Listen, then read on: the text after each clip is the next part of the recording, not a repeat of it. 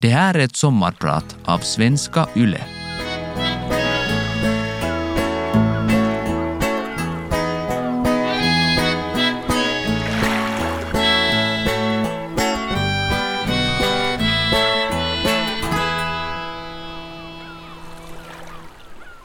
Det ligger leksaker över hela vardagsrummet. Barnen kör i full fart med sina plastmoppon runt i huset. Jag plockar ihop tallrikar från matbordet och torkar ketchup från golvet. Genom barnens glada ylande hör jag att en bil kör på uppfarten. Duscha har jag hunnit, så jag byter bara hastigt tröja, sprayar torrschampo i håret och möter Johan i dörren. Skiftesbyte. En snabb puss. Lycka till. Vi ses senare. Jag är framme i studion knappt fyra minuter innan kunderna kommer. Det är ett gäng brudtärnor som ska prova mina klänningar inför sommarens bröllop. Stämningen är härlig, alla på gott humör och provningen går bra.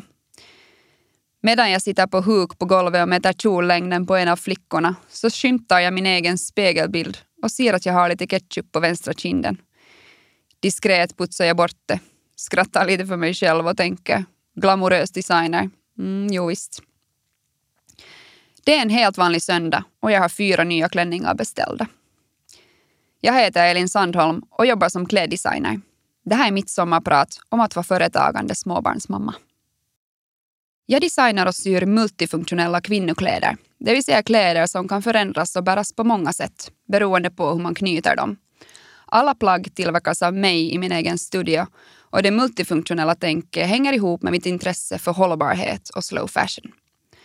Tanken är att ett och samma plagg ska passa flera tillfällen och också anpassas efter kroppen. Formspråk är modernt och skandinaviskt, snudd på minimalistiskt. Men mode och trender följer jag inte. Tvärtom. Ord som kläder och design förknippar man lätt med glitter och glamour. Men min studio ser snarare ut som en verkstad. Hyllor med mappar, saxar på rad, tygrullor och lådvis med material. Det nästan fyra meter långa tillskärningsbordet har jag snickrat ihop själv och anslagstavlorna på väggarna är målade armeringsnät från metallfabriken intill. Symaskiner har jag samlat på mig några stycken, som bäst är de nio till antalet. Både vanliga hemsymaskiner och industrimaskiner. Stora tunga bjässar som min pappa och sambo med mycket möda har konkat upp för trapporna. Kläderna säljer jag antingen på plats eller via nätbutiken som lanserades för drygt tre år sedan. Sedan dess har jag kallat mig företagare. Moppopojkarna jag nämnde om tidigare är mina barn, Sigge och Charlie, endast fyra och två år gamla. Jag har alltså själv skapat min arbetsplats och byggt upp ett företag samtidigt som jag har varit föräldraledig i två omgångar. Vissa kallar det galenskap, men för mig har det varit en självklarhet och jag har aldrig ifrågasatt om det är möjligt eller inte. Jag har nämligen ett verktyg som har varit avgörande för mitt företagande, för att jag ska klara av och våga ta mig an allt det jag inte kan. Det verktyget heter självkänsla. Vissa påstår att självkänsla är någonting man föds med. Andra säger att ens omgivning bidrar till det. Själv tror jag på en kombination av båda. Mycket har jag att tacka min familj för. Jag är uppvuxen på landet i lilla byn Backränd, 10 kilometer utanför Karis. Ett vanligt ljusgrått hus omringat av skog och åkrar. Mina föräldrar är inte högutbildade akademiker, inte ens studenter, men de är på många sätt de klokaste människor jag känner. Deras inställning till hur man ska leva sitt liv är något jag beundrar. De förstår sig på varann och på sin omgivning och den sunda livsinställning de har har de kravlöst lyckats överföra till mina syskon Emil och Sara och se till minstingen, jag själv.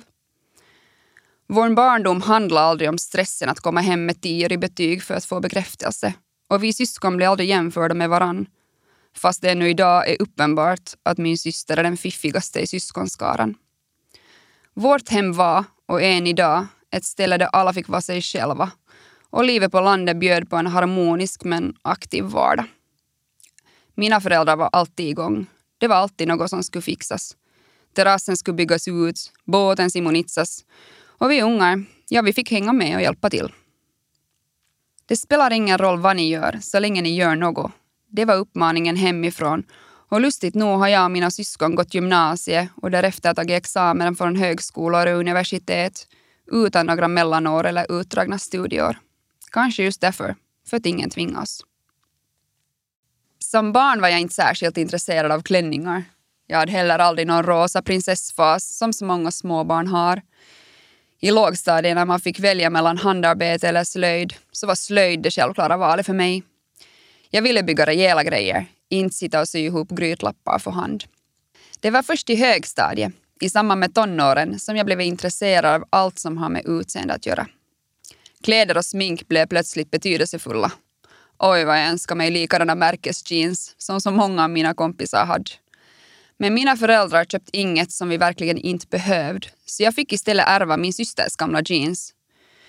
Byxorna satt illa på min späda kropp, lång och smal som jag var redan då. Trenden på den tiden var att allt skulle sitta väldigt tight, så jag beslöt mig för att ta saken i egna händer och började sy in jeansen med min mammas gamla symaskin. Det gick så där. Några sömnadskunskaper hade jag inte, men envis som jag är så prövade jag mig fram. Ordet om mina nya kunskaper spred sig och snart frågade kompisar om jag också kan sy in deras jeans. Det tolkade jag som ett erkännande att mina sömnadskunskaper dög. Och det var där och då mitt förhållande till symaskinen började och glädjen i att kunna skapa något föddes. Så ja, lustigt nog kan man säga att mitt intresse för sömnad har fötts som ett resultat av fåfänga. Men att jag en dag skulle livnära mig på min hobby, det vågar jag tro först långt senare. Jag har aldrig haft ett drömyrke, inte heller någon idol. Vad ska jag bli, tänkte jag, när det blev dags för mig att välja studier efter gymnasiet. Det var en ren slump att jag råkade hitta formgivningsutbildningen i yrkeshögskolan Novia i Åbo med inriktning på kläddesign. Det var första gången pulsen steg när jag tänkt på studier. Jag sökt, kom in och de följande åren var som en magisk dröm. Under studierna tänkte jag ofta på min fammo som faktiskt var sömmerska. Men hon insjuknade i Alzheimer och hann aldrig riktigt lära mig något. Åtminstone inget jag minns. Men jag har kvar hennes häfte från den tid då hon studerade sömnad. Med handklippta mönsterdelar i skala 1 till 4, konstruerade till olika klädesplagg. Det ser ut exakt som mitt eget häfte. När motgångarna på jobbet blir många så tröstar det mig att veta att vi har sömnaden i blodet. Det hände många saker på en gång efter studierna. Jag träffade Johan, min sambo, och fick en orsak att flytta tillbaka till kära Karis. Jag visste redan då att ett eget företag var min framtid, så att flytta hem utgjorde inget hinder för mina planer. Tvärtom så saknade jag småstadslivet och min familj. Jag fick deltidsjobb som designassistent på min praktikplats i Helsingfors och gick samtidigt en starta eget-kurs för att lära mig mer om företagande. Jobbet i Helsingfors gav mig ovärderlig arbetserfarenhet och tog mig bland annat till modemässor i Paris och Köpenhamn. En dröm för en nyutexaminerad designer. Jag var huvuddesignerns högra hand och han pratade alltid gott om mig inför andra. Kallade mig talang och löfte medan vi skålade i skumpa med kunder på mässorna. Iklädd hans design såklart. Jag fungerade samtidigt som en levande provdocka. Men för mig kändes smickre, kindpussarna och skumpan lite obekväma. Jag trivdes bättre i kulisserna med det smutsiga och svettiga jobbet. Inför en mässa då montern ska byggas på några timmar. Eller kaoset backstage under en modeshow när 14 modeller ska kläs i 33 olika outfits inom loppet av några minuter. Härligt kaotiskt och äkta. Jobbet var mångsidigt och lärorikt och jag hade genuint roligt på jobbet. Men att ständigt anpassa sina idéer enligt någon annans koncept blev i längden tungt. Pendlande likaså. Jag och Johan byggde hus och ville ha barn. Så när jag erbjöds ett vikariat som textillärare i Eknäs vinkade jag hej då till Helsingfors. Knappt ett år senare föddes Sigge. Den första perioden i mitt vuxna liv som jag var ledig och hade tid att tänka hur jag ville leva mitt liv var föräldraledigheten med Sigge jag visste att det är nu eller aldrig jag ska satsa på något eget. Det kommer inga bättre tillfällen. Jag hade jobbat med design, som textillärare och i klädbutik och samlat på mig en hel del kunskap.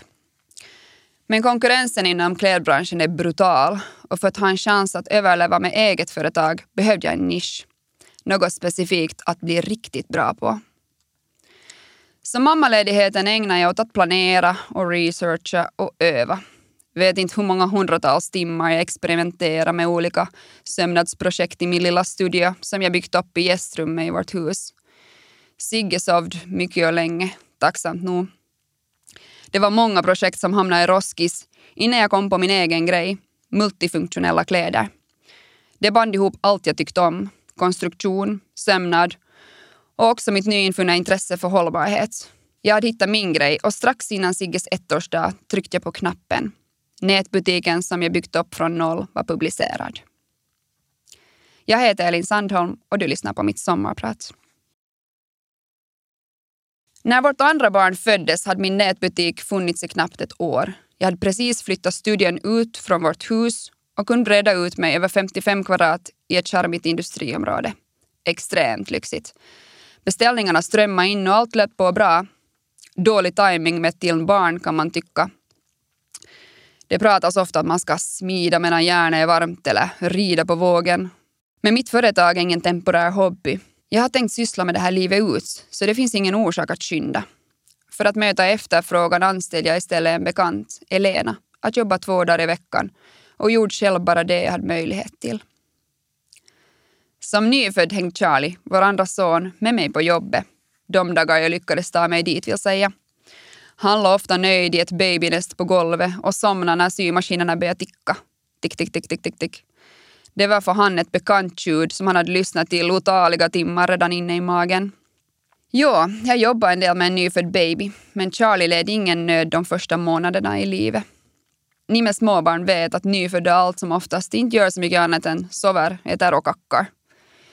Jag fixade ett tillfälligt kötbord i ena hörnet och hade till och med släpat med en vagn för att natta honom i korridorerna. De gånger symaskinsljudet inte skötte för mig. Ända sedan jag fick barn så har jag känt mig trygg i min roll som mamma, vilket har gjort det lättare att kombinera privatlivet med företagande. Det betyder absolut inte att jag är perfekt mamma eller att jag aldrig skulle känna mig osäker. Det finns dagar som barnen ser på TV betydligt mer än vad som rekommenderas. Och dagar då vi äter spenatplättar till både lunch och middag. Jag lagar förresten väldigt lite mat. Det sköter Johan. Att ha barn har på många sätt lärt mig att allting inte behöver vara perfekt. Att vara en bra förälder handlar inte om att gå på cirkus varje fredag och leka med bilar på golvet i flera timmar om dagen. Att vara en bra förälder handlar för mig om att inkludera barnen i vardagen, låta dem delta i sysslor och känna sig som en viktig del i familjen. En ingrediens i den där soppan. Så jag låter mina barn vara med och skala putis och moppa golv och skruva ihop Ikea-möbler. Och ibland är de med på jobbet också. Allt tar längre tid med småbarn, men det gör ingenting. Barn vill ju ofta vara delaktiga. Det är vi vuxna som nekar dem och placerar dem i soffan med en skärm istället. Jag hoppas kunna ge mina barn samma förutsättningar som jag själv fått. Samma trygghet och förmåga att tro på sig själv att bli precis vad de vill. Jag har provat på att skilja på arbetstid och ledig tid och barntid, men det funkar inte för mig. Jag ser istället livet som en helhet där alla komponenter ska gå ihop med varandra. Istället för att räkna antalet timmar så funderar jag på vad som behöver göras på arbetsfronten, hur vi mår som familj och vad vi orkar och har lust med. Men vi är båda rationella typer, min sambo Johan och jag. Det har vi fått bekräftat ett par gånger under de tio år vi varit tillsammans. Och en gemensam spelregel har vi. Vi separerar inte när barnen är små. Punkt. När vi befann oss mitt i vår lyckliga lilla babybubbla med vår förstfödda son Sigge, ett så grymt efterlängtat barn, så gjorde vi upp den här överenskommelsen om att inte separera under småbarnsåren. Jag tror det är något många tänker, men det tål att sägas högt. Missförstå mig inte. Förhoppningsvis så kommer vi alltid att vara tillsammans. Men så länge barnen är små, då det kanske är som mest påfrestande, finns det liksom inga andra alternativ. Vi visste att ska man ha så många olika komponenter i livet som hus, småbarn, en företagande mamma, heltidsjobb för Johan och en sidokarriär inom handboll så får vi finna oss i att det stundvis blir jäkligt intensivt. Stressigt. Och stress tar inte fram de bästa sidorna hos oss. Jag tycker det finska ordet är väldigt beskrivande. Ruuhkavuodet, brådisårerna. När vårt förhållande befinner sig i en svacka handlar det inte om att vi gör något illa mot varann. Tvärtom. Det handlar om att vi inte gör något för varandra alls. Pussen i dörren ersätts av ett grymtande och kvällarna fördrivs med näsan i varsin telefon. För att man helt enkelt inte orkar annat. Förhållandet blir passivt och autopiloten kopplas på. Dagarna ser alla likadana ut och det som måste göras görs. Inget mer. Jag kan ärligt säga att vår överenskommelse har gjort sig påmind ett par gånger under åren. Kanske främst för att jag vägrar acceptera de stereotypa rollerna där det är självklart att mamman tar ett större ansvar för hem och barn medan pappan sköter familjens ekonomi. Jag är ingen traditionell typ. Jag målar gärna huset medan Johan lagar mat. Men det är okej att livet inte är helylle hela tiden. Ett passivt förhållande går att förlåta och lappa. Så vi diskuterar, strider, funderar och kommer överens. Lånar ut barnen till våra föräldrar någon natt. Sover och återhämtar oss och hittar tillbaka till varandra. Självkänsla är en sak, men självförtroende är något som kommit och gått. Det finns stunder, många såna, då jag funderar om det är klokt det jag håller på med. Om jag är egoistisk, om det är värt det. Jag har gråtit som ett barn över skattepapper och sömnadstekniska problem, betalat tusentals euro för tyger som inte kan användas, blivit utskälld i telefon och ägnat allt för många nätter åt att sy tills ögonen går i kors. Många misstag och fler lär det bli. Sen drygt ett år har jag jobbat en hel del med mental träning, läst böcker, lyssnat på poddar och lärt mig mycket om hur hjärnan fungerar. Det har gjort det lättare för mig att hitta lösningar istället för att älta problem och även under de jobbigaste perioderna då allt verkar gå åt helskotta så har jag längst ner i magbottnet känt att jag är på rätt väg. Det som påverkar mitt företagande mest och dessvärre inte kan lösas med mental träning är egentligen någonting jag bryr mig minst om. Pengar. Tomt på konto, kreditkortet maxat och ytterligare en tygräkning som ska betalas. Varifrån tar jag pengarna? Inte att glömma lån och barn och alla kostnader som kommer med det. Johan visste nog inte riktigt hur illa det var där i ett skede och som nyinflyttade i ett hus hade vi ännu inte gemensamma spelregler för vår ekonomi. Johan känner ju inte en person jag känner för mitt yrke så jag vågar inte lita på att han skulle förstå. Pengar är svårt eftersom det tar död på kreativitet och skapar alldeles för mycket ångest och stress. Vilket det stundvis gjort även för mig. Jag brukar skämtsamt säga att jag är född ett par hundra år för sent och skulle hellre leva på den tid då man idkar byteshandel. Jag ger en klänning till grannen och får havregryn i utbyte. Ge och ta liksom. Men det funkar inte så. Framgång har aldrig handlat om pengar för mig. Kanske för att jag är uppvuxen i en familj där pengar inte har varit i fokus. Men jag inser att det ändå är viktigt och att affärsplanen måste vara realistisk. Jag har jobbat mycket med det och i dagens läge har jag bättre koll och Johan och jag har till stor del gemensam ekonomi. Men jag undrar hur många fantastiska företagsidéer, passioner och visioner som gått i kras kanske aldrig ens fick en chans på grund av just pengar. Jag har jobbat hårt för mitt företag och jag har lärt mig att handskas med pengar och byråkrati på vägen. Det var också därför jag blev extremt besviken då ett brev från FPA landade hemma på köksön. Vi har erhållit information om att ni arbetat under föräldraledigheten. Folkpensionsanstalten, anonymt tips. Någon tyckte jag fick mer än jag förtjänade. Det kändes som en käftsmäll. Som att spotta på det som jag så hårt jobbar för att bygga och kämpa med att upprätthålla. Varken FPA eller den anonyma tipsaren visste att lönen betalades till min anställda Elena. Brevet ledde ingen vart. Jag gjorde redan det jag skulle. Det vill säga anmälde arbetstagarna till FPA så att föräldrapenningen kunde dras till minimibelopp de dagarna. Men jag var ändå besviken, både på den anonyma tipsaren och på systemet. Det finns fantastiska saker med föräldraledigheten i Finland. Men så som den är uppbyggd just nu så sporrar den ingen småbarnsmamma att jobba. Ekonomiskt så funkar det inte. Ändå jobbar jag varenda söndag och helgdag med bebis utan lön för att jag vägrar ge mig. Om man strävar efter genomgående perfektion så kommer man sällan någon vart. Det går alltid att göra ännu bättre. Ända sedan jag lanserade min nätbutik så har jag påmint mig själv om det här. Perfektion är bra i vissa sammanhang, en broms i andra. Jag är som sagt ingen perfekt mamma eller sambo. Jag är inte någon visualist eller grafiker, inte heller modell eller stylist. Vet inte ett jota om marknadsföring och fotografering. Det finns så många som gör ett bättre jobb än jag på de här områdena. Men det handlar om att våga börja någonstans. Att sluta komma med den ena ursäkten efter den andra varför du inte ska ta tag i din dröm. Vänta inte. Skyll inte ifrån dig. Bara börja. Idag. Nu. Mina första produktbilder till nätbutiken fotade vi under en semesterresa i Spanien. Johans föräldrar som var med på resan lovade barnvakta Sigge en kväll och vi mötte upp våra vänner som råkade semestra på samma ställe. Vi drack sangria på deras balkong och njöt av lugnet på det barnfria hotellet.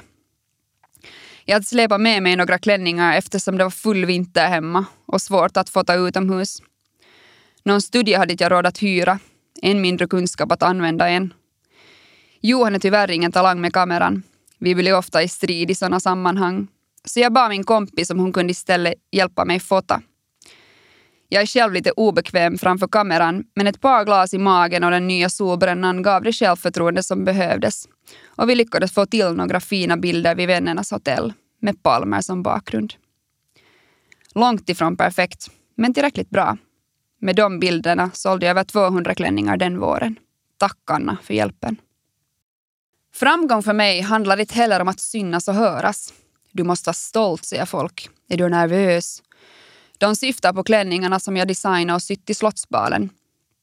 Jo, svarar jag. Visst är det nervöst. Jag svarar så för att det hör till. Men om jag ska vara riktigt ärlig så är Slottsbalen och tidningsartiklar inte framgång för mig.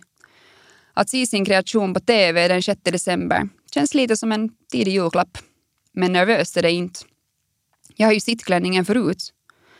Vad som är nervöst är stunden då kunden för första gången ska prova klänningen i studion. Är hon nöjd? Är jag nöjd?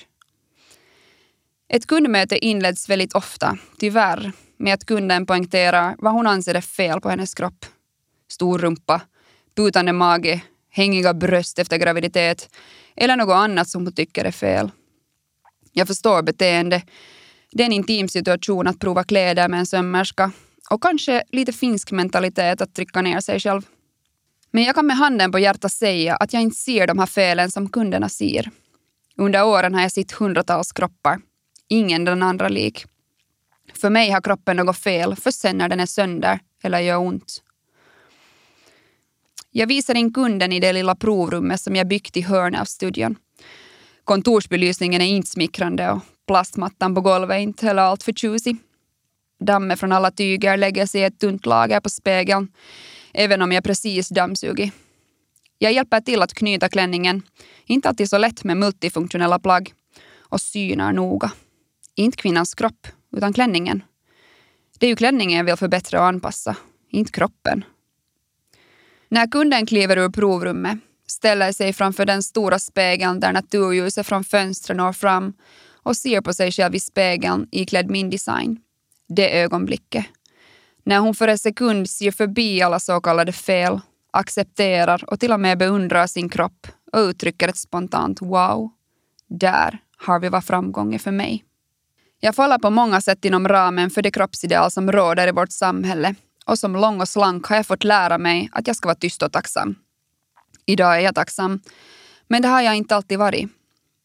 Av egen erfarenhet vet jag att en viss typ av kropp inte är en garanti för att man är nöjd med sin egen spegelbild. Allt för mycket tid ägnar jag som ung tonåring till att tycka illa om mitt utseende. Jag kände mig okvinnlig, utan varken bröst, rumpa eller höfter. Som en planka. Håret var för lockigt och svårt att få ordning på. Det var ändå sällan jag fick negativa kommentarer gällande min kropp av andra. Kommentarerna kom från mig själv. Kroppshets så vanligt, men så otroligt onödigt. Jag har till viss mån varit modell för mina klänningar själv. Inte för att min kropp magiskt förvandlats på något vis. Nej, jag är 31 år och fortfarande platt som en planka. Men inställningen mot mig själv är helt annan idag. Jag har haft möjlighet att föda och amma två barn och min kropp fungerar trots det felfritt. Det är inte alla förunnat. Jag är frisk och stark och det är med respekt jag ser på mig själv i spegeln. Vissa dagar vacker, andra dagar mindre vacker. Det har varit både gratis och smidigt att själv stå modell och inte krävt något annat än ett stativ och en självutlösare. Men det har ställt till det för mig. Det är bara kvinnor med din kroppstyp som kan bära såna klänningar, var responsen jag fick. Först blev jag irriterad. Min kropp är bara en av många men någonstans insåg jag också att enbart bygga ett brand kring mitt utseende gav fel budskap. Så jag tänkte om helt enkelt. Det har blivit allt viktigare för mig att ge en mer rättvis och mångsidig bild av kvinnokroppen. Som designer handlar det för mig om att anpassa kläderna efter kroppen, inte kroppen efter kläderna. Och allt mer sällan får jag kommentarer kring min egen, vilket känns som en bekräftelse på att mitt budskap sakta men säkert når fram. Jag tror sociala medier kan ha en negativ inverkan på hur vi uppfattar oss själva. För när du möter din spegelbild och tycker illa om det du ser, vad är det du jämför med? Mamma? Syrran? Vännerna? När du jämför dig högst antagligen med bilderna som du scrollar igenom på telefon varenda kväll. Platta magar, perfekta porslinsläta ansikten och glansiga lockar. En minimal och missvisande inblick i andras photoshoppade liv som ofta är mer till skada än till nytta. Men mitt förhållande till sociala medier är tudelat. För på samma gång som jag provoceras av hur mycket vi blir påverkade av glansbilden som målas upp så har jag så mycket att vara tacksam för. Utan sociala medier hade mitt företag antagligen inte existerat idag. Det är med andra ord ett komplext förhållande vi har och jag har ännu inte riktigt hittat mitt sätt att kommunicera med bilder. Ett sätt där jag kan inspirera och dela med mig både av mitt privatliv och företagande utan att måla upp en felaktig bild av verkligheten. Det är en evig balansgång. Ofta väljer jag ändå att visa upp en mer äkta bild av vardagen med inslag av humor och självironi eftersom det enligt mig är mer intressant. Hellre kantstött och äkta än felfritt och fejk. Det är tre år sedan jag jobbade hemifrån i ett arbetsrum på 13 kvadrat med Sigge sovandes i babysittern på golvet under bordet. Tre år som företagande småbarnsmamma, en kort tid men har känts som ett helt liv. Många ser barn som ett hinder för att förverkliga sina egna yrkesdrömmar. Man talar om barn eller karriär. I mitt fall var det kanske tvärtom. Just tack vare barnen som jag kom till skott med att grunda eget företag och skapa en arbetsplats där jag lyckas anpassa jobbet efter min familj. Jag läste någonstans att företagande handlar om att kunna somna med problem. Det kommer ständigt nya utmaningar. Finskan exempelvis. Jag pratar okej okay finska. Att skriva finska är däremot en helt annan sak, vilket är problematiskt nu när även finskspråkiga kunder har hittat i min nätbutik. Jag kan bara tänka mig hur många gånger jag skrivit till en kund att jag ska döda dem. Tavata, tapa, tappa. Svårt att böja det ordet på finska och antagligen har mina mejl resulterat i ett och annat skratt hos finskspråkiga kunder. Men det gör ingenting. Jag bjuder på det. Ingen dör. Även om jag kanske skriver det i mejlet. Bland alla de här utmaningarna försöker jag ta till mig också alla positiva kommentarer. Alla fina omnämnanden i bloggar och alla nöjda kunder. Jag är dålig på att ta emot komplimanger och en typisk Sandholmare på det viset. Men jag hör er. Jag uppskattar alla er som peppar och hejar på mig. Jag kommer ändå inte att fokusera på att göra karriär. Istället fokuserar jag på att må bra, leva bra och göra ett jäkligt bra jobb. Det har visat sig att karriären då kommer på köpet. Jag är långt ifrån färdig och tacksam att ha sisådär 40 år kvar i arbetslivet. Tänk så mycket jag ännu hinner. Jag heter förresten fortfarande Elin Sandholm, men kanske inte allt för länge till. Eller hur Johan? Du har lyssnat på mitt sommarprat och jag önskar dig en riktigt skön sommar. Jobba hårt, njut och ta tag i det där du verkligen vill göra. Helst redan idag.